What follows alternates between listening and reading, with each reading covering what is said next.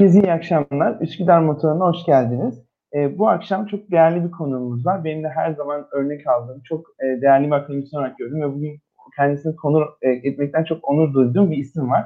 E, Altınbaş Üniversitesi öğretim e, görevlisi ve rektör yardımcısı Sayın Profesör Doktor Ahmet Kalsıman. Hoş geldiniz Ahmet Bey. Selamlar, çok teşekkürler ediyorum Yunus Emre iltifatların için. Çok teşekkürler. İsterseniz hocam hemen e, başlayalım. E, ilk sorum aslında 6 Ocak'ta yaşanan kanlı kongre baskınıydı. O sırada siz de yayındaydınız. Aslında hep beraber bu e, ana e, şahit olduk. Sizin bu e, kongre baskındaki ilk gözlemleriniz neydi? Sizce o gece e, bu olayları nasıl izlediniz ve bu e, kongre baskını sizin aklınıza nasıl bir yer edindi? Bunu sormak istiyorum ilk başta. Yani şu hep uzun yüzyıllardan bahsedilir. Yani bir yüzyılın e, döngüsünün işte e, o yüzyılın e, çift sıfırla başlayan senesi e, ile başlayıp 99'la biten senesiyle bittiği yönündeki e, tarihsel algının ötesinde yüzyılların bir sonraki yüzyılı e, belirleyecek e, bir kırılmayla sona erdiği ve bir diğer e, yüzyıllık döngününse o kırılmayla başladığı yönünde bir e, inanç vardır. 21. yüzyılın başından beri böyle birkaç olay geçirdik biz. E, ama o olayların tamamını ben e, 11 Eylül'de dahil olmak üzere e, 20. yüzyıla ait görüyordum. E, bu olayı görünce yani kongre baskınını görünce tamam dedim. Uzun 20. yüzyıl ona öyle tabir ediyorlar işte çift sıfırı geçtiği zaman uzun 20. yüzyıl bitti. Şimdi 21. yüzyıla girdik işte. Hayırlı uğurlu olsun. Ee, Allah da sonumuzu hayretsin dedim. Görünce düşündüğüm şey bu oldu. E, peki sizce bu baskının dünyadaki etkisi ne oldu? Sonuçta Amerika'nın yaşanan her şeyi hem Türkiye hem de bütün dünya takip etti. Bir Amerika'nın kongresinin basılması, sonrasında askerler tarafından korunmasının etkisi oldu mu? Yoksa herkes e, bunu e, bu yaşanan seçim sürecinden sonra belki normal mi karşıladı? Bunu merak ediyorum. Yani bu beklenmedik bir şey değildi. Onu ıı, söyleyebiliriz rahatlıkla zannediyorum. Yani bu oldu, aa hiç olmayacak bir şeydi e, diyemeyiz. Ama bazı şeylere ilişkin hani senaryolar dahilindedir de olduğu zaman gene de bu onun senaryolar dahilinde olması ya da tırnak içinde beklendik olması olan olayın ağırlığını ortadan kaldırmaz e, biz e, çok e, ciddi bir biçimde e, bütün bir e, hatta ve hatta felsefesine işin bakarsak postmodernizmin yarattığı e, yalanın meşruiyeti ben ona post-truth falan demeyeceğim yani hakikat sonrası vesaire değil yalanın meşruiyeti ve o yalanın meşruiyetinin e, ortaya çıkmasına neden olan bütün sosyolojik dinamikler e, Amerika özelinde e, sürdürülemezliklerini kustular o gün. Onun için hani evet Trump delidir zaten bunu takip edenler de e, kafalarından amiyane tabirle iki tahta eksik adamlar. Dolayısıyla bunlar her şeyi yaparlar. Bu da olabilirdi demekle onu fiilen e, o olayı fiilen olurken görmek arasında bu bakımdan ciddiyetli bir fark olduğuna inanıyorum. E, benim en azından bakış açımı bu domine ediyor. E, bu bir anlamda kendi talep ettiği, kendisine söylenmesini talep ettiği yalanlara inanmış olan bir kitlenin e, Amerika'da o yalanlara inanmışlığın verdiği cesaretle kendi hakkı olarak gördüklerinin peşinden e, kamu düzeni denilen şeyi sıfırlamasının e, hikayesi. Şimdi dilersen biraz belki bu e, hani kendi talep ettiği yalan meselesini açayım. E, çünkü o bize e, ABD'de olanlarla ilgili ciddi bir e, fikir verebileceği gibi aynı zamanda dünyanın kalanının şu anda yaşadıklarıyla alakalı da bir fikir e, verebilir. E, şöyle düşünelim e, istersen. E, biz e, bir endişe ve korku döneminde yaşıyoruz. E, bana sorarsan 1648'de kurulmuş olan e, Westfalyan düzenin sonuna geldik. Bir taraftan siyasi e, düzen olarak yani bu uluslararası düzen, international order dediğimiz şey e, lime lime dağılırken e, öte taraftan e, ciddi bir e, tarihsel ekonomik sistem dönüşümüne uğruyoruz. E, bir yandan bu olurken bir yandan da önemli bir inanç krizi yaşanıyor. E, bütün bunların yarattığı ciddi bir tedirginlik var. E, tam bir e, acı e, ve tedirginlik. Yani angst ve e, e, anksiyete beraber. Bu e, ikisi bir araya gelince kitleler, e, bireyler kendi geleceklerinden endişe duydukları gibi ve e, bunun da ötesinde çocuklarının geleceklerinden de ciddi bir endişe duyuyorlar. Olan biteni anlamıyorlar. Olan biteni anlayacak birikime sahip değiller. Kaldı ki anlamakla ilgilenip ilgilenmedikleri de tartışılır. Çünkü anladıklarının onlara bir faydasının olduğunu da düşünmüyorlar. Hal böyle olunca kolayına kaçıyorlar işin ve diyorlar ki bizim anlamadığımız bir gerçeklik var burada ve bu gerçeklik çok karmaşık. Ama benim hayatımdaki e, etkisi e, saf ve basit. Aç kalacağım ben diyor. Ben işsiz kalacağım diyor. Benim sesim duyulmuyor diyor. Hani diyor insanların ömürleri uzadı falan ya ben sürünüyorum diyor. Yani ömrüm de uzasa sürünüyorum. Üstelik başıma ciddi bir şey gelseydi e, ayrıcalıklı olanın e, göreceği e, ihtimamı da görmeyeceğim. Şimdi buradan baktığım zaman diyor birinin bana ne yap, ne olduğunu anlatması lazım. Ve bunu mümkün mertebe e, beni bir bilişsel krize sokmadan, bilişsel uyumsuzluğa, cognitive dissonance dediğimiz e, hale sokmadan basit bir takım terimlerle anlatması lazım. İster istemez bu bir indirgenmiş neden sonuç e, manzumesi çağırıyor. İki diyor ben de bana buradan çıkmanın bir yolunu söylemeli. Ve en önemlisi de sorumlunun kim olduğuna dair bana bir fikir vermeli. Bunlar, şimdi buraya kadar anlattıklarımın hepsi kitlenin talepleri. Kitlenin bu talebi belli bir tür siyasetçiyi ortaya çıkarıyor. Siyaset zaten doğruyu söylemenin e, erdemler arasında sayılmadığı bir alandır yüzlerce senedir. Machiavelli bunu bir e, bilim alanı e, haline getirecek ilk önemli ama küçük adımı attığından bu yana. E, siyasetçi bunu dinlediği zaman dolayısıyla diyor ki benim bu talebe bir karşılık vermem lazım. Çünkü popüler demokrasinin ruhunda bu talebe karşılık vermezsem iktidara gelemem. E, iktidara gelmek için madem ki bu talebi karşılayacağım diyor, o talebe bir karşılık üretiyor. Şimdi bazısı bunu bilerek kompleksitenin farkında olarak ve oy almak için ama oy aldıktan sonra da bunları kimi zaman göz ardı edebilmek adına veriyor e, bu tepkiyi.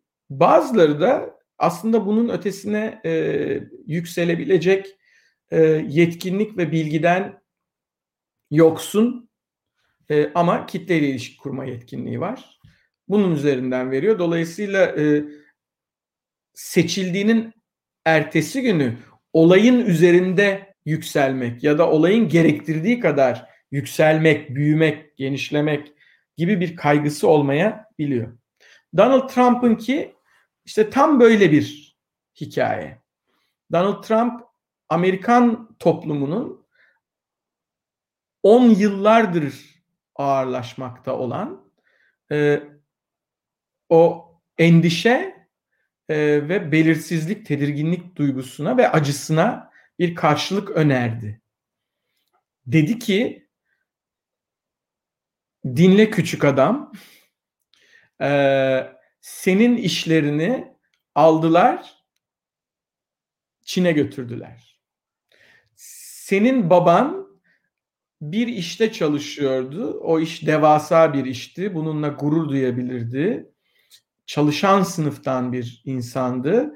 Anneni evde oturtabiliyordu. Seni de üç aşağı beş yukarı kabul edilebilir bir kamu e, eğitim e, sistemi içerisinde e, bir şeylere hazırlayabilir vaziyetteydi. Ama bunlar bitti. Bunun sorumlusu da işte bu değişimin tetikleyicileri. E bu değişimin tetikleyicilerinin ben durduracağım. Senin talep ettiğini yapacağım ben. Çünkü gitmiş olan işleri geri getireceğim. O indirgemeci genelleme e, isteği, talebi bu kadarıyla yetinebilir vaziyetteydi. Bu arada bu kimin yüzünden oluyor sorusunun da cevabı aynı cümlelerin içerisinde gizli. Bir kere e, dönüşümü hızlandıran elitler. Kim onlar? Bilgi sahipleri, sermaye sahipleri. Sermayenin de belli bir cinsinin sahipleri aslında. Bu e, bu, bu kısmı önemli bence. E, yani bilişim şirketleri, e, finansçılar kısmen vesaire. İki, sen burada dürüst ve namuslu bir biçimde çalışmak isterken işleri elinden alan göçmenler ve e, senin e, o saf düzen ve değer sisteminin bozulmasına da yol açıyor bunlar. Şimdi o halde suçlu da belli. Ne olduğu da belli. Çözüm de belli. Geri getireceğiz. Ne yapacağız? Baskı yapacağız. Şimdi Amerika'nın büyük gücüyle baskı yapacağız. Şimdi bu tabii çok güzel. Neden çok güzel? Bunun anlaşılmayacak hiçbir tarafı yok. Çünkü bunun içerisinde mesela şundan bahsedilmiyor. İşte azizim senin o kaybettiğin iş var ya hani eskiden babanın çalıştığı. O içten yanmalı motorlar üzerine bina edilmiş arabaları öyle inşa edilmiş olan, öyle dizayn edilmiş olan arabaların üretimine ilişkindi. Ee, üstelik o üretim yapıldığı zaman işte çelik endüstrisi, parça endüstrisi vesaire vesaire derken bu arabanın, bu otomobilin, bu içten yanmalı motorun yapılabilmesi için 30 küsur bin parçaya ihtiyaç vardı. Şimdi velev ki ben bu işi geri getireyim. Geri getirdiğim iş elektrikli e, bir, ya da yakıt hücresi motorlu bir araba olacak. Onun üretimi işini geri getireceğim ben. E onda var 39 tane parça. Öyle 5000 kişinin çalıştığı bir Fordist hat falan olmayacak onda. O bir karanlık fabrik olacak. Dolayısıyla ben o işi geri getirsem de sana orada ancak ve ancak iki tane pozisyon açılır. Ön kapının bekçisi, arka kapının bekçisi. Biraz daha iyi eğitimliysen elektrik sisteminde bir hata olursa acil müdahale edebilecek bir kişiye daha ihtiyacımız var. O karanlık fabrikada. Çünkü o robotlarla ve şeylerin internetine bağlı olarak çalışacak. Dolayısıyla ben bunu geri getirsem de senin bir geleceğin yok. Demiyor kimse bunu. Ha bunu aşabilmek için çılgınlar gibi yatırım yapılması lazım. Ben onun için bütün sistemi reforme edeceğim demeye de pek kimsenin mecali yok. Siyasetçiler halka karşı görevlerinin acı da olsa ona doğruyu söylemek olduğunu düşünmüyorlar. Ya da bunun maliyetinin getirisine değmez olduğunu düşünüyorlar. Çünkü siyasetçiler siyaseti iktidara gelmek olarak okuyorlar. O yüzden senin işini alan Meksikalı değil, aslında senin işini elinden alan, önünde duramayacağın bir tarihsel ekonomik dönüşüm, tarihsel ekonomik sistem değişimi neticesinde bugün robottur demiyor. Ona bir insan göstermek zorundasın. Ve siyasetçinin bütün amacın iktidara gelmek olduğunu düşündüğü yerde o siyasetçi için toplum sözleşmesi denilen o kutsal diyeyim toplumları bir arada tutan kutsal kavramın bence kutsaldır çünkü bir anlamı olmuyor. Çünkü iktidara gelmek ya amaç.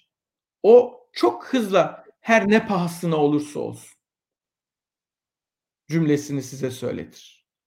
Halbuki bence siyaset bunun için yapılmaz. Siyaset o toplum sözleşmesinin kuvvetlenerek sizden bir sonraki iktidara teslim edilmesi için yapılır. Ama hoyratça o topluma yüklenilince siyasetçiler şunu umuyorlar. Biz ne yaparsak yapalım talebe karşılık verelim o gerçek hiçbir hükmü kalmadan hoyratça şey yapsa da e, örselense bile çünkü diyorlar nasılsa toplum bunu kaldıracak. Kamu vicdanına havale ediyorlar. Kamu vicdanı toplum sözleşmesi denilen makinenin filtresi gibidir. Kamu vicdanına ama ne kadar atık, pislik yüklerseniz yükleyin. Kamunun vicdanı öyle temizdir ki onu temizlemek suretiyle o attığınız atığı pisliği temizlemek suretiyle sözleşmeyi canlı tutar diye bir şey yok. Fazla yüklendiğiniz zaman bir an geliyor o filtreler tıkanıyor. Yani kamu vicdanı artık sizin söylediğiniz yalanları, tırmandırmayı, e, kutuplaştırmayı kaldıramaz hale geliyor. Ve kanallar tıkanınca toplum sözleşmesi çürümeye başlıyor içeride. Mekanizma paslanmaya, kirlenmeye hatta hatta biyomekanik bir mekanizma olarak kan gitmediği için dokular ölmeye başlıyor. Ve sonra birdenbire işte bizim e, bu daha doğrusu birdenbire değil tabii bütün bunlar 10 yıllar içinde oluyor. Bizim açımızdan birdenbire boynuzlu bir maskarayı Amerikan e, Kongresi'nin içinde görüyorsunuz. Sürreel bir görüntü gibi geliyor bize ama aslında olanla bitenle çok yakından alakalı. Ee, işte onu gördük. Hocam çok aslında bütün süreci anlattınız.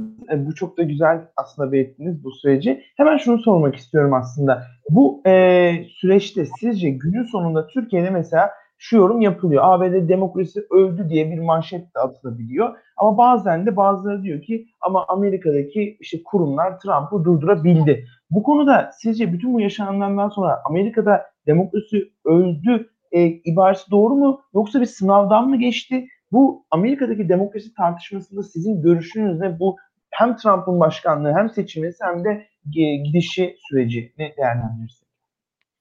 Şimdi ben e, elbette ABD'de demokrasinin öldüğünü düşünmüyorum e, ve e, işin doğrusu illa bir oy vermem gerekirse kurumların bir sınavdan geçtiklerini ve e, sınıfı da geçtiklerini söylerim. Yalnız notu sorarsan bana e, sevgili Yunus Emre e, dört buçuktan beş. E, işin buraya kadar gelmesi e, gerçekten e, vahim Amerika açısından. E, vahim ama demin anlattıklarım yüzünden beklenmedik değil. Bunu tekrar altını evet. çizdim. Şimdi bundan sonra esas ABD'de demokrasinin geleceğiyle ilgili konuşacaksak e, esas bundan sonra olacakları görmemiz lazım. Yani bu dört buçuktan beş ilk ciddi sınavın notu. Önümüzdeki dört senede böyle birkaç tane daha ciddi sınav verecektir Amerikan demokrasisi ve her seferinde karar alıcılar ve ama daha önemlisi en azından benim durduğum yerden daha önemlisi kurumlar bu dört buçuktan beş notu yükseltmek için imkan sahibi olacaklar. Şunu unutmamak lazım. Sosyal bilimlerin kadim tartışmasıdır bu. Ee, yapı ve fail. Yani agent structure problem diye bizim tabir ettiğimiz önemli sorun. Şimdi o yapı yapan işte fail yapı neyse böyle çevirebiliriz. Şimdi orada şunu e, bilmek lazım. Bir kere Türkiye'den tartışmaya bakıyorsanız e, her, her şeyden önce farkında olmanız gereken şeyler biraz evvel anlattıklarımın tamamının dünyanın bütün toplumları için geçerli olduğudur. İkincisi denge denetleme. güçler ayrımı, kamu denetçiliği, sivil toplum, kamusal alan, ifade hürriyeti gibi unsurlar bir ülkede ne kadar yüksek notlara sahipse o ülkenin kongre baskını gibi bir olaydan kurtulabilme şansının o kadar yüksek olduğudur. Yani özgürlükler sizi korur.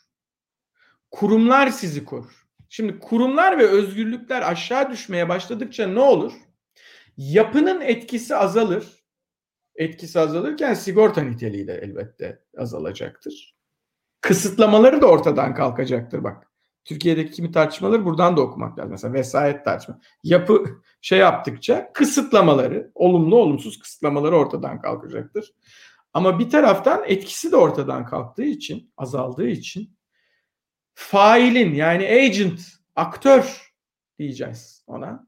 Aktörün etkisi artar. Yani tekil karar alıcının etkisi artar. Tekil karar alıcının etkisinin ne olduğunu biz Amerika'da gördük. Ha ma mafi tabii e, pek e, ruhi sağlığının da yerinde olduğunu düşünmediğim bir vatandaş ama demin anlattığım sosyolojik gerçeklik olmasaydı Donald Trump bunlara yol açamazdı. Bütün e, narsistik kişilik bozukluğuna rağmen. Ama e, biraz evvel kurumlar fonksiyonlarını görmediklerinde etkileri azalır dedik ya onlar aşağıya doğru etkilerini çekince işte delinin biri de olsa sıkıntılı bir kişilik de olsa fazla hırslı da olsa doğal bir yalancı da olsa yani ontolojisi itibariyle yalancı da olsa karar verme konumundaki kişinin söylediklerinin ağırlığı ve belirleyiciliği artar. Nitekim buyurun yürüyoruz deyip kendisi e, Allah bilir oval ofisin neresine geçti oturdu. E, kalabalık yürüdü. Şimdi bunun olabilmesi Amerikan demokrasisi açısından onu da bir yana bırakalım. Demokrasi açısından oldukça büyük bir problemdir. Ama John Adams Amerika Birleşik Devletleri'nin ikinci başkanıdır. Onun söylediği gibi demokrasi zaten intihara meyilli bir yönetim biçimidir. Onun intihar etmemesi için her sabah yönetiminizi her sabah kalktığınız zaman e, demokrasinizi, yönetim biçiminizi tekrar beslemek, tekrar ona inanmak, onu kendine inandırmak mecburiyetindesiniz. Yani demokrasiye bakmazsan demokrasi bir anda sana Sokrat'ın zehirlenmesi gibi, Perikles'in sağdan sola çarpılması gibi veya Amerikan İç Savaşı gibi sonuçlar doğurur. Ben Amerikalıların bunu daha iyi öğrendiklerini e, hiçbir zaman düşünmedim. Ama konunun farkında olduklarını da hiç şüphem olmadı. Yani orada bulunduğumuz dönemlerde dahil olmak üzere. Şimdi e, dolayısıyla dört buçuktan beşle geçtiğini ve bundan ne ders alıp almayacağı ile ilgili bize heyecanlı bir hikayenin beklediğini ama bu olanlarla beraber 21. yüzyılda hangi değerlerin öne çıkacağı ve hangilerinin geride kalacağı tartışmasının da e, full istim başladığını düşünüyorum. E, hocam hemen ikinci bölümde Biden'ın politikalar hakkında e, sorular soracağım ama o bölüme geçmeden önce şu son soruyu sormak istiyorum bu kısımla ilgili. Sizce e, Trump 2016'da başkan seçildiğinde birçok e, ülkede işte Brezilya'da Bolsonaro ben Trump'ı örnek alıyorum diye bir kampanya yaptı. İşte Avrupa'daki aşırı sağ bazı taktiklerini uyguladı. Polonya'da, Macaristan'da işte Hindistan'da mesela Modi e, aynı taktikleri uyguladığını belirtti. Ortak miting düzenledi. Hatta Amerika'da. Şimdi Trump'ın zaferi nasıl birilerini etkilediyse acaba şimdi Biden'ın Trump gibi bir lideri yenmesi mi dünyada daha çok etkiye sahip olacak bu sizin e, tarif ettiğiniz bu mekanizmanın gerçekleştirdiği ülkelerde yoksa Trump'ın seçim sonuçlarını kabul etmekte ısrar etmesi mi daha cesaretlendirici bir unsur olarak mı bu mekanizmaları etkileyecek? Bu iki e, Amerika'nın iki hikayenin dünyada hangisi daha etkili olacak? Aslında bir o konuda sizin kişisel ve e, akademik gözleminizi almak istemiştim. Bu biraz e, Amerika'nın bundan sonraki sınavlarındaki notuna bağlı. E, eğer ABD bütünüyle içine döner e, ve e, dünyada ne olup bittiğine e, duyarsız kalma yolunu seçerse e, bu e, hiç kuşku yok. Bazı bu tarz liderleri cesaretlendirecektir. Ancak benim fikrimi soruyorsan ben böyle olacağına inanmıyorum. Bir kere kendinle uğraşmak çok zordur. Yani herkesle uğraşmak kolaydır, kendinle uğraşmak zordur. Çünkü kendinin eksikliklerini bilirsin, zaaflarını bilirsin. İşte ne bileyim sen açtın e, şey sohbeti bana e, mültefit sözler söyleyerek ama ben kendi gerçekliğimi bilirim. Yani senin söylediğin şeylerin içerisinde eğer bir zaaf varsa ben, benim sahip olduğum ben onu bilirim. Hoşuma gider ama bilirim. Ve bunu düşünmek bana rahatsızlık verir. Onunla uğraşacağım ama senle uğraşmak daha kolay. Anlatabildim mi? Ee, Amerika'nın bir bu nedenle yani bu pratik pragmatik nedenle içine dönmeyeceğini düşünüyorum. Çünkü bu öyle büyük bir ayıp ki. yani bunu söylüyorum ben e, başka sohbetlerde ekran önünde de söyledim. Yani bir dakika geri çekilin ve gözünüzü kapayın. Amerikan parlamentosu işgal edildi Amerikan vatandaşları tarafından. Yani bu cümle büyük bir cümle. Şimdi e, bunu bir kere idrak ettiğiniz zaman e, şunu da fark ediyorsun. Eğer Amerikalılar kendilerine bununla uğraşmak zor gelirse ki gelecektir. Daha fazla dünyaya ayar verme işine girişirler mi? belli bir ölçüllük içerisinde çünkü geçtiğimiz 20 senenin e, uluslararası müdahaleleri ABD tarafından girişilmiş ve onların sonuçları bellidir. Amerikan toplumu bundan da yorgundur. Karl Marx'ın bir ifadesi var. Her savaş biraz da iç savaştır diyor. E, e bu savaşların son yarattığı da bir iç savaş Amerika'nın içinden geçtiği için şu anda. Hani henüz sokaklara kan e, olarak büyük ölçülü yansımadı ama hani nerelerden döndüğümüzü gördük değil mi? İşte Kansas'ta orada burada insanların e, Georgia'da bellerinde silahla e, eyalet e, saraylarına doğru yürüdüğünü gördük falan. Şimdi oraya gelmedi ama bu bir içse. Şimdi bu nedenle öyle dışarıya çok uzun boylu Amerikan askerinin e, postalı sahaya değecek şekilde falan değil ama güç göstermek istediği zaman bugünün teknolojisinin verdiği imkanlarla güç göstererek bunu yapamadığı zaman ekonomik yaptırımlar yoluyla e, müdahil müdahil olmayı isteyecektir. Bu, bu onun için öyle hani ben köşeye çekildim artık elimi kafamın içine alıp kendimle ilgili olarak tefekkür edeceğim diye sonuçlanacak bir yolmuş gibi gelmiyor bana ABD adına. Ama demin söylediğim kısıtlara elbette tabi. İkincisi e, ABD'nin moral kendine biçtiği diyeyim moral üstünlüğünü e, ahlaki üstünlüğünü pekiştirebilmek için şu andan itibaren birlikte iş yaptığı ülkelere e, uyguladığı çifte standardın da bir kısmını hani öyle ayranın yarısını dökecek gibi değil belki ama köpüğünü alacak kadar e, yeknesak bir noktaya taşımak için harekete geçeceğini de düşünmüyor değilim. Yani mesela e, Suudi Arabistan ne olursa olsun e, Amerika'nın kucaklayacağı bir ülke olacak mıdır? E, Rusya ile ilgili e, daha az e, sert bir tavır e, takınacaklar mıdır? Gibi soruların bendeki cevabı hep olumsuz. Bunlar hep hani oyunun sertleşeceği alanlar diye düşünüyorum. Bunu yaparak aynı zamanda kendi kendi dünyaya sattığı imgesiyle de barışmaya çalışacak ABD ve kendine güvenini de tazelemeye çalışacak. O nedenle e, dünyayı böyle etkileyeceğini düşündüğüm bu trendin e, kimilerine yani Amerika'nın müdahil olabildiği kadar etkileyebildiği kadar dokunacağını düşünüyorum. Bazıları elbette bundan e, daha az zararla çıkabilirler. Ama ondan daha önemli bir şey düşünüyorum. Bu girdiğimiz şey var ya e, zırva tevil göz, götürmez diye bir laf vardır eskilerin. Belki sizin jenerasyon çok bilmez onu ama sen e, hukukçusun bilmen lazım. E, yani e, bu kadar saçmalık çok uzun süre sürdürülemez. Bugünün dünyasında en başta bahsettiğim üç tane kriz, uluslararası düzenin değişmesi, ekonomik politik dönüşüm e, ve bütün bunların üzerine inanç krizi. Bunların tamamını koyduğun zaman bu türde e, köşe kafalı otoriterler bu meydan okumalarla baş edemezler. Bu demek değildir ki dünyanın başına çorap öremezler, buz gibi örebilirler. Ama bunun sonunda kendilerine ve toplumlarına felaket getirirler ve tarihin tekerleri ileriye doğru akmaya da devam edecektir. İleriye doğru dönecek.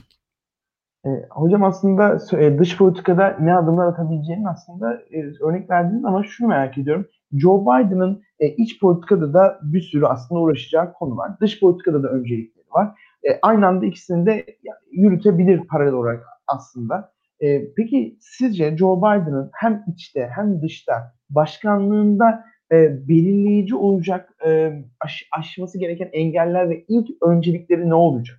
Yani Joe Biden'ın başkanlığında biz ne bekliyoruz? Siz mesela ne gözlemleyeceksiniz? Bu hep bir sınav vereceğini Amerika'nın bu e, demokrasisini dediğiniz bu Joe Biden'ın başkanlığı hangi olaylarla sizin için e, karşılık bulacak bunu merak ediyorum. Amerika'nın kutuplaşmışlığı bir kere en büyük e, sorun. Yani e, biraz evvel anlattığım durumu aşmaya çalışması. Bana e, küçük de olsa ümit verdi e, Biden. Ne zaman? E, Adalet Bakanlığı'nı adaylarını açıklarken kullandığı bir cümle.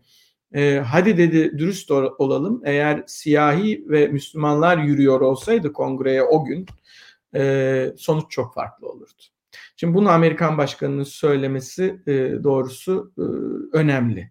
Ve ben e, yani etraftaki tahtalara vurayım. Dünyanın bir de buna ihtiyacı yok çünkü.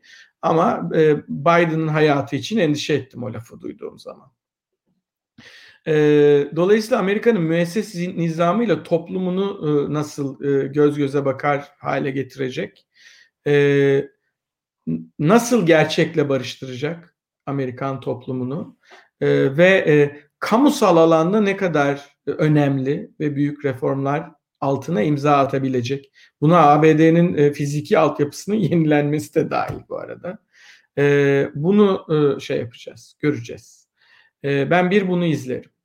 E, dünya ile ilişkili olarak da Orta Doğu siyasetini o biraz evvel bahsettiğim değerler üzerinden ve bu değerlere bağlı yaptırımları da o değerlerin yanına koyarak ama bu arada da Orta Doğu denilen o e, e, porselen dükkanını dağıtmadan nasıl e, müdahale edebilecek?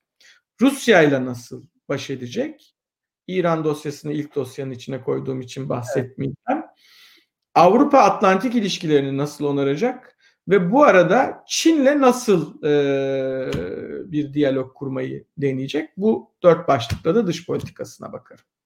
Birazdan onları spesifik olarak soracağım ama öncelikle şunu merak ediyorum. Joe Biden'ın kabinesi açıklandı ve Joe Biden bu kabinede genellikle senatörlük, başkan yardımcılığı döneminden çalıştığı isimleri atadı. Genellikle Obama döneminde çalışan isimler. Yani acaba e, şu iki bağlantılı soru soracağım. Bir, bu kabineyi genel olarak nasıl değerlendiriyorsunuz? Anthony Blinken gibi isimlerin, şey, Jack Sullivan gibi isimlerin atanması hem Türkiye'yi yakından tanıyorlar hem de Biden'la uzun süredir çalışıyorlar. İkincisi hep Biden dönemi hakkında şu yorum yapılıyor genel olarak. Kurumsal bir dış politika e, oluşum sürecine geçiliyor deniyor. Bu sizce bu bunu belki seyircilerimize aktarma şansınız var mıdır? Biden ve Trump'ın bu kurumsal dış politikadaki farkı ne olacak ve buna Türkiye'nin angaja olmasının yolu nedir gibi aslında birbirine bağlantılı iki soru, soru sormak istedim. Şimdi Biden'ın e, dış politikasının kurumsallığı şu demektir. Ee, bizim çok sevdiğimiz bir yöntem var. Ya abi diye başlamak lafı. O ya abiler yok. Ee, Trump'la oluyordu onu söyleyeyim. Ee, çünkü biz o kişiselleştirme işini çok seviyoruz. Ee, ama kişiselleştirdiğimiz dış politika alanlarının tamamı sonrasında e, bir takım hayal kırıklıkları yarattı. Bunu da söylemek lazım. Ee, İsrail Başbakanı Ehud Olmert'le kişiselleştirilmiş ilişkiden bu yana bu böyledir. Yani sadece Beşar Esad'dan bahsetmiyorum. Sadece e, Mübarek, Mursi, e, Sisi e, değişik şekillerde bundan bahsetmiyorum. Aynı şekilde Trump'la alakalı hikaye de aynı hikaye. Çünkü Trump bir nefret objesine dönüşmüş vaziyette ABD'de bir siyasi akım için ve şanssızlık o ki o, bugün o siyasi akım, o siyasi parti kongrenin iki kanadında ve başkanlığı da kontrol ediyor. E, bu iyi bir pozisyon değil. Böyle olunca e, kişiler ve kişilerin sempatilerinden ziyade kurumlar ve kurallarla alakalı olarak bir işleyiş olacaktır. Türk-Amerikan ilişkileri özelinde bu e, sert müzakereli ve e, pürüzlü bir zeminde arabanın gittiği dolayısıyla amortisörlerin hasar gördüğü, biraz sallandığı, içeridekilerin e, de pek rahat etmediği bir dönem olacak. E, bunu aşmamız için kapsamlı bir yaklaşım geliştirmemiz lazım. Ve o kapsamlı yaklaşım umarım sahip olduğumuz bir zaman içerisinde ancak e, sonuç verir. Çünkü zamana yayılmak mecburiyetinde bugünden yarına olmaz. Bunun en önemli unsurlarından bir tanesi Türk-Amerikan ilişkilerini sadece e, güvenlik ve dış politika stratejik ilişkiler yani aksına bağlı olmaktan çıkarmak. Çünkü orada nezle oldun mu bütün ilişkiler zatürre oluyor. Bunu yapmanın e, en akılcı yoluysa iki ülkenin arasındaki ticareti geliştirmek. Az buz değil e, ABD ile ticaretimiz 20 milyar doları geçmiş vaziyette. E, ama daha büyük bir hedef olmalı. Sayın Cumhurbaşkanı ile Trump 100 milyar dolardan bahsettiler. Amerikan Ticaret Bakanı zaten bunun üzerinde durmuştu zamanında. E, şu anda e, bunun e, doğrultusunda çabalar devam ediyor.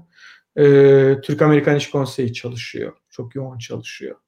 E, bu çabalara destek vermek lazım. Çünkü karşılıklı iş yapılması, karşılıklı bağımlılıkları, kültürel yakınlığı e, arttıracağı gibi aynı zamanda Türkiye'nin maalesef tarihsel olarak zayıf olduğu kongredeki e, temsilciler meclisi ve senato üyelerini e, lobicilik vasıtasıyla etkileme imkanını da arttırır. Siz bir eyalette iki tane yatırıma sahipseniz ve bunlar 10 e, bin kişiye iş sağlıyorsa bu 50 bin oy demektir neredeyse. Kabaca söylüyorum Türkiye standartlarını biraz öne çıkararak. Ama yani hiç yoksa 20 bin oy demek. Şimdi bu 20 bin oy e, önemli bir oydur. Dolayısıyla hele bugünün Amerika'sında. Dolayısıyla bu çok boyutluluğu ilişkilerin aslına bakarsan e, anahtarı yapmak gerekir sevgili Yunus. E, bizim e, ikincisi de tabii e, bu kendimizi anlatma çabamızı mümkün mertebe istisnalardan kabul görmüş normlara doğru söylemi hareketlendirerek e, ve muhatabın anlamasının aslına bakarsanız e, bizim kendimizi anlatmamızın en önemli yöntemi olduğunu bilerek e, yürütmemiz lazım.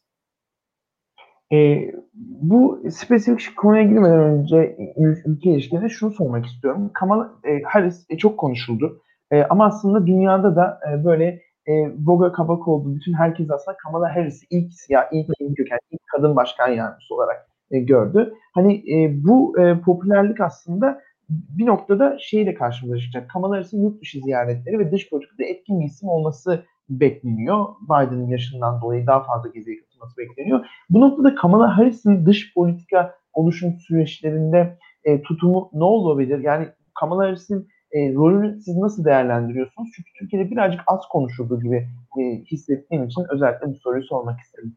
Aa, Türkiye'den baktığınız zaman e, biraz evvel söylediklerimin üstünde şunu da söyleyebiliriz. Biden'ın ekibi pek öyle Türkiye açısından e, iyi haber niteliğinde yani kategorik iyi haberler niteliğinde değil. Onun için demin söylediklerimi söyledim. Daha yapısal bir çalışmaya ihtiyaç var. İşte orada zaten kurumlar ön plana çıkıyor yani. Kişilerle çok olumlu ilişkiler kurmak.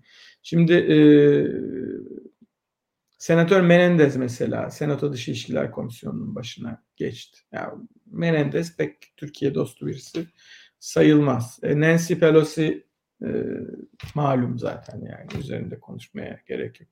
E, Brett McGurk'e bir pozisyon e, açıldı. Onun nerede durduğu e, açık. Harris aynı şekilde Türkiye'ye. Aslına bakarsan Biden da ama Biden'da bir şey var, birikim var. Yani muhtemelen e, Amerikalıların tabiriyle e, çevre yolu içi siyasetin en tecrübeli adamı Biden. E, dolayısıyla Türkiye'ye daha e, nüanslı bakacak bir e, şeyi var, bir birikimi var. E, bunlar e, tabii e, ileride yaşayıp göreceğimiz işler ama Kamala Harris'i de herhalde e, ciddi şekilde eğitmek gerekir Türkiye ile alakalı olarak. Zira e, Harris de kongredeki muadilleri, progresif muadilleri kadar değil ama oldukça hani böyle e, değerleriyle hareket etmeyi seven birisi. Dünya politikasını öğrenecek Harris'te. Onu da söylemek lazım. Çünkü işler öyle e, şeyden e, Massachusetts Avenue'dan gözüktüğü gibi dönmüyor dünyada. E, fakat bunun da farkında birisi olmalı Harris. E, üstelik Harris'le e, ilişki kurmak yani orada kişisel ilişki de dahil olmak üzere ilişki kurabilmeyi becermek önemli. E, çünkü e, Kamala Harris belki bu dönemde, belki bir sonraki dönemde karşımıza e, başka e, sıfatlarla da çıkabilecek bir siyasetçi. Yaşı da müsait, konumu, popülaritesi de müsait olabilir. 2024'ten itibaren sen de biliyorsun Amerika'da beyaz Anglo-Sakson protestan oylar artık çoğunluğu oluşturmuyor olacaklar.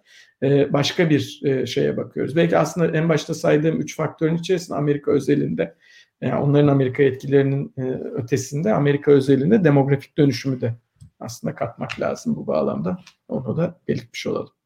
Ee, diğer ülkelere geçmeden önce Türkiye ve Amerika ilgili son sorumu soracağım. Trump aslında son günlerinde kasa yaptırımlarını açıkladı. Belki açıklamak e, zorunda kaldı yasadan dolayı. E, bu durum sizce Biden ile Türkiye arasındaki ilişkilerde Biden'ın bu yaptırımları genişletmesi mi kaldırması mı şeklinde e, süreç ilerleyecek? Bu diyalog sürecinin nasıl olacağını öngör, öngördüğünüzü aslında merak ediyorum.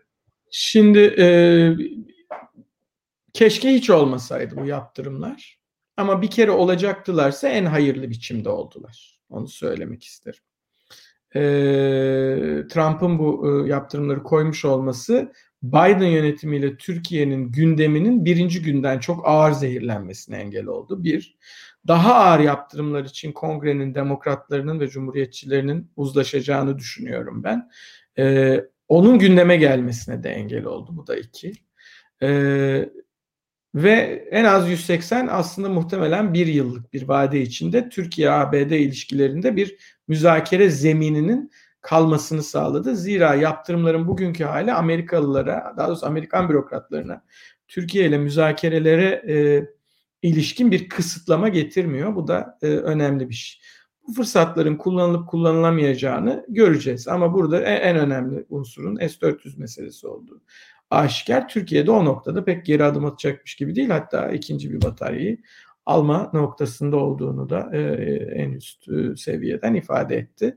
E, dolayısıyla e, bu e, sert müzakerelerden sonra ne olacağıyla ilgili olarak ancak e, papatya falı bakılabilir. bu, bu, bu, bu, bu, yani bu noktadan itibaren bu bir uzmanlık konusu değil. Çünkü rasyonel olarak yapılabilecekler var. Ee, ama siyasetin de o rasyoneliteyi kısıtlayıcı bir etkisi olduğu açık. Ama ben Amerikan tarafından yani Biden üzerinde e, bir yıllık bir vadede çok öngörülemez bir hamle Türk tarafından gelmezse bir ekstra baskının ya da yaptırım ağırlaştırmasının ortaya çıkacağını e, düşünmüyorum. E, bu İran konusunda aslında e, sormak istiyorum hocam şimdi. E, Biden'ın bir seçim vaadi İran'la yeniden nükleer anlaşmanın tesis edilmesi olmuştu ve yönetiminde de aslında İran'da yapılan eski nükleer anlaşmanın mimarlarına yer verdiği görüldü Jack Sullivan gibi. Bu isimlerle tekrardan bir İran'la masaya oturma sürecinde geçtiğimiz e, 2012 sanırım tam tarih ama o İran nükleer anlaşmasının ikna edilme sürecinde çok zorlanmıştı Obama. İşte senatörlerin teker teker ikna edilmesi, Demokrat Parti'nin ikna edilmesi. Şimdi mesela bu e, müzakere sürecinin ilerlemesinde Trump ve Cumhuriyetçilerin çok sert çıkışlarını öngörüyor musunuz? Yoksa Biden bu iki e, mecliste de çoğunluğa sahip olmasını kullanıp çok rahat bir şekilde bu süreci e, yürütebilecek mi? İran İran bu kadar Trump tarafından şeytanlaştırılmış. Valla ben Trump'ın bir e, etkisinin olacağını düşünmüyorum açıkçası. Trump e, biraz kendi işine bakmak mecburiyetinde kalacak herhalde önümüzdeki dönemde. E, hatırlayacağız kuşkusuz e, ama kötü bir şaka gibi. e, ama e, tabii bu e, ABD'deki İran konusunun e, iki partili siyaseti bölücü e, etkisini e, ortadan kaldırmaz. Bir de elin e, eli de armut toplamıyor. Yani Suudi Arabistan'ı, İsrail'i, Amerika ile İran arasındaki diyaloğu imkansız kılmak için geçtiğimiz 3 ayda yapmadıklarını bırakmadılar doğrusu. Yani e, suikastler de dahil olmak üzere ilişkileri çeşitlendirmek ve vesaire. Ee, ve İran'ı da e, İran'da da yani İran dediğin zaman bir monolitik bir bütün yok. İran'da bir de e, işte hep konuşulan sertlik yanları var bir tarafta, bir tarafta da daha işte güvercinler ve şahinler diye bir ikilim ikilem mevcut.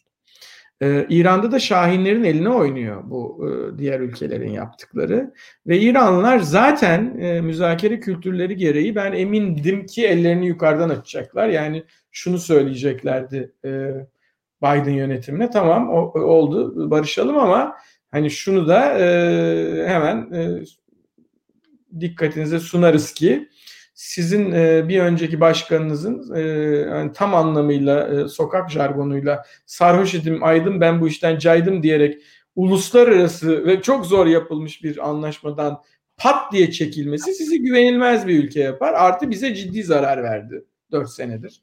Dolayısıyla bunların tazmin edilmesi e, lazım e, bu zararların. E, o nedenle artık e, daha önceki anlaşmaya dönemeyiz, daha iyi şartlar sağlamanız gerekir demesini bekliyor idim zaten. Ama buradan açıp tekrar oraya doğru gelecekleri kanaatim vardı.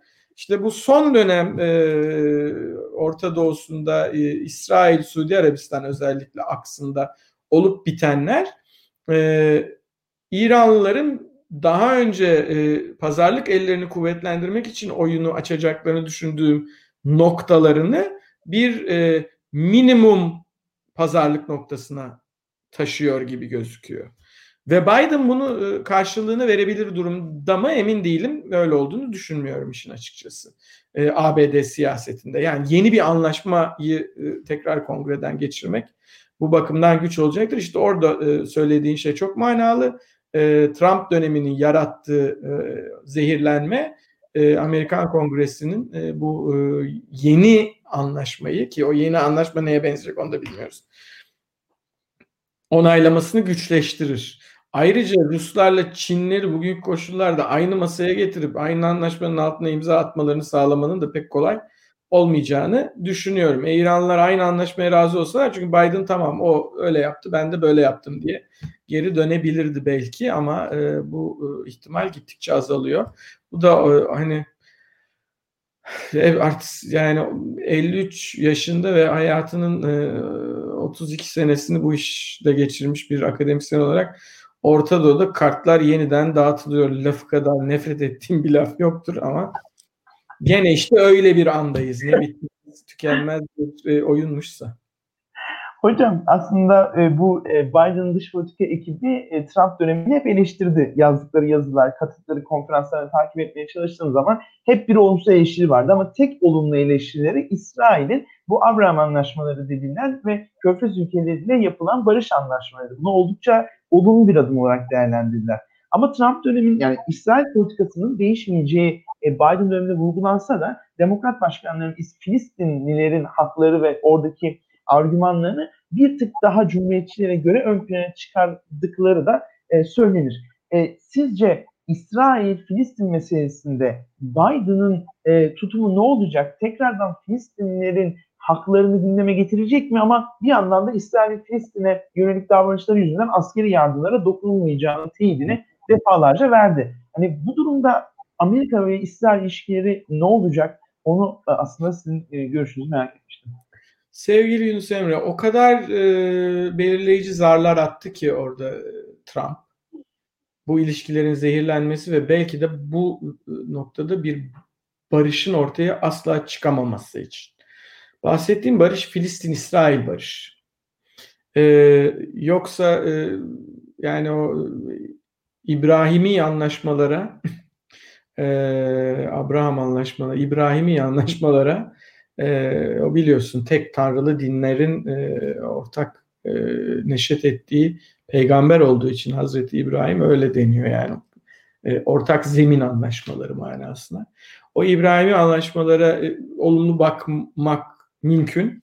E, ben de bakarım, onu da söyleyeyim. Ama yani bu anlaşmalar bir uzlaşı zemini ve barış e, gündemi yaratmaktan ziyade bir e, uzlaşı zemini ve ancak çatışma gündemi yaratıyorlarsa o zaman onların İbrahimiliğini e, sorgulamak gerekir. E, Trump Netanyahu'ya altın tepsi içerisinde bir takım e, şeyler sundu. E, bir tanesi bu e, barış anlaşmaları, diğeri e, Batı Şeria'da yerleşim e, serbestisi, e, bir tanesi de bu e, Kudüs'ün İsrail'in başkenti olarak e, tanınması. Yani fiilen aslında Doğu Kudüs'ün e, İsrail toprağı sayılmasına giden yol. Şimdi bunlardan e, Amerika nasıl geri döner? Bırak e, Biden'ı ondan daha solda bir e, ABD başkanı bağlamında söylüyorum. Bir başkan nasıl döner? E, kolay kolay dönemez. Amerika İsrail'in güvenliğini riske edebilir mi? Hayır bunu da yapamaz. Zaten e, yani Yahudi oyları kategorik olarak demokrattır. Onu da pek kimse bizde bilmez. E, şimdi böyle baktığımız zaman e, bu, bu düğüm çözülmesi daha kolay bir halde değil bugün. Daha zor bir halde. Ee, izninizle son iki sorum kaldı hocam. Ee, ilk sorum aslında şunun hakkında. Biden, e, Trump döneminde e, Dünya Sağlık Örgütü'nden çıkıldı. NATO'nun e, öden, ödeneklerinin kesilmesiyle NATO tehdit edildi. Avrupa Birliği liderleriyle çok aslında iyi bir işi kurulmadı. Biden tam tersine ilk e, dış politika ekibinin açıkladığı videoda Merkel'e yer verdi. Dünya Sağlık Örgütü'ne hemen katılacağını belirtti ve NATO'yu oldukça vurguladı. Masaya geri dönüyoruz gibi. Biden'ın bu uluslararası örgütlere ve ulus, Batı ittifakı belki e, tahminlendirdiğimiz bu hani NATO ve Avrupa Birliği olan ilişkilere yeniden önem vermesinin e, karşılığında e, bu örgütlerin gücünde bir e, değişiklik, etkisinde bir değişiklik olacak mı? E, bunu merak etmiştim. Hem evet hem hayır. Ee, evet, Amerika'nın bunları desteklemesi bunları daha e, etkili hale getirir. Ee, hele ve hele şimdi hani kefaret ödeyeceğim diye giriyorsa bu işe Biden e, bir hayli kaldıraç etkisi yaratabilecek imkanlar var ellerinde. Ee, en azından terk edilmişliklerinden kurtarır bu e, örgütleri. Ama öte taraftan e, gene en başta söylediğime döneceğiz. Eğer bir 1648'den bu yana gelen bir uluslararası düzen anlayışı transforme oluyorsa, dönüşüyorsa bu kurumların onu o yani ne kadar güçlü olurlarsa olsunlar yeni meydan okumalara o kafayla nasıl yanıt verip veremeyecekleri meselesi hani e, bu konuda onlara getirilen ham eleştirilerin e, ötesinde e, sorgulanmalı.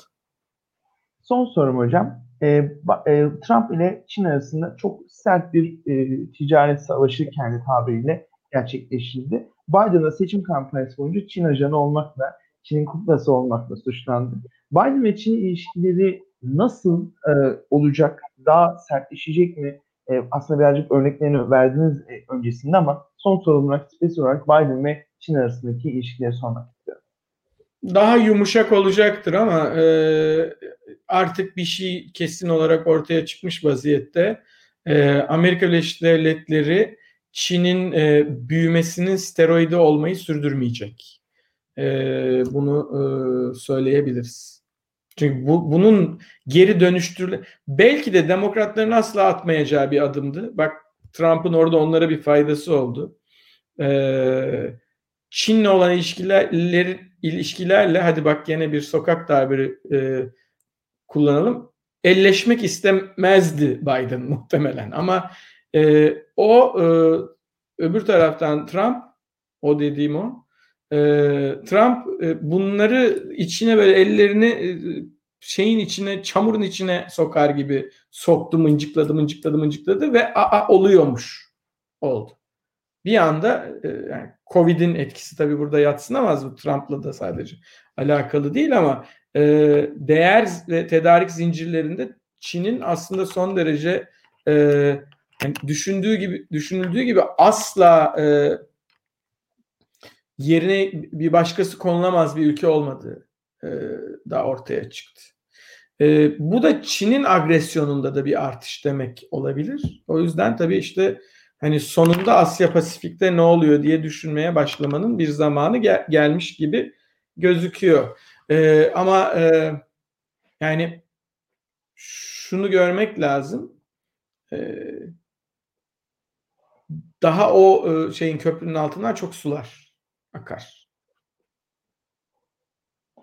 Ee, çok teşekkür ederim hocam. Gerçekten çok keyifli bir e, söyleşi oldu e, benim için ve seyircilerimiz için. Amerika'yı hep konuşuyoruz ama e, böyle küçük küçük konuşuyoruz. Böyle büyük bir resimden bakıp hem de sistematik bir şekilde dinlemek çok keyifliydi gerçekten. Üsküdar Motor İskele'ye yaklaştı. Size de çok teşekkür ederim hocam. Belki son sözlerinizi alıp programı kapatırız. Ben de teşekkür ederim. Ee, hem e, Daktilo 1984'de hem Üsküdar motoruna havadar bir yolculuk oldu. Bu pandemi gününde iyi oldu bir motor yolculuğu Boğaz'ın üzerinde. Ben de e, hem bizi dinleyenleri hem sizleri e, sevgiyle selamlıyorum ve e, başarılarınızın da devamını diliyorum. Çok sağ olun hocam. Herkese iyi akşamlar dileriz. Hoşçakalın.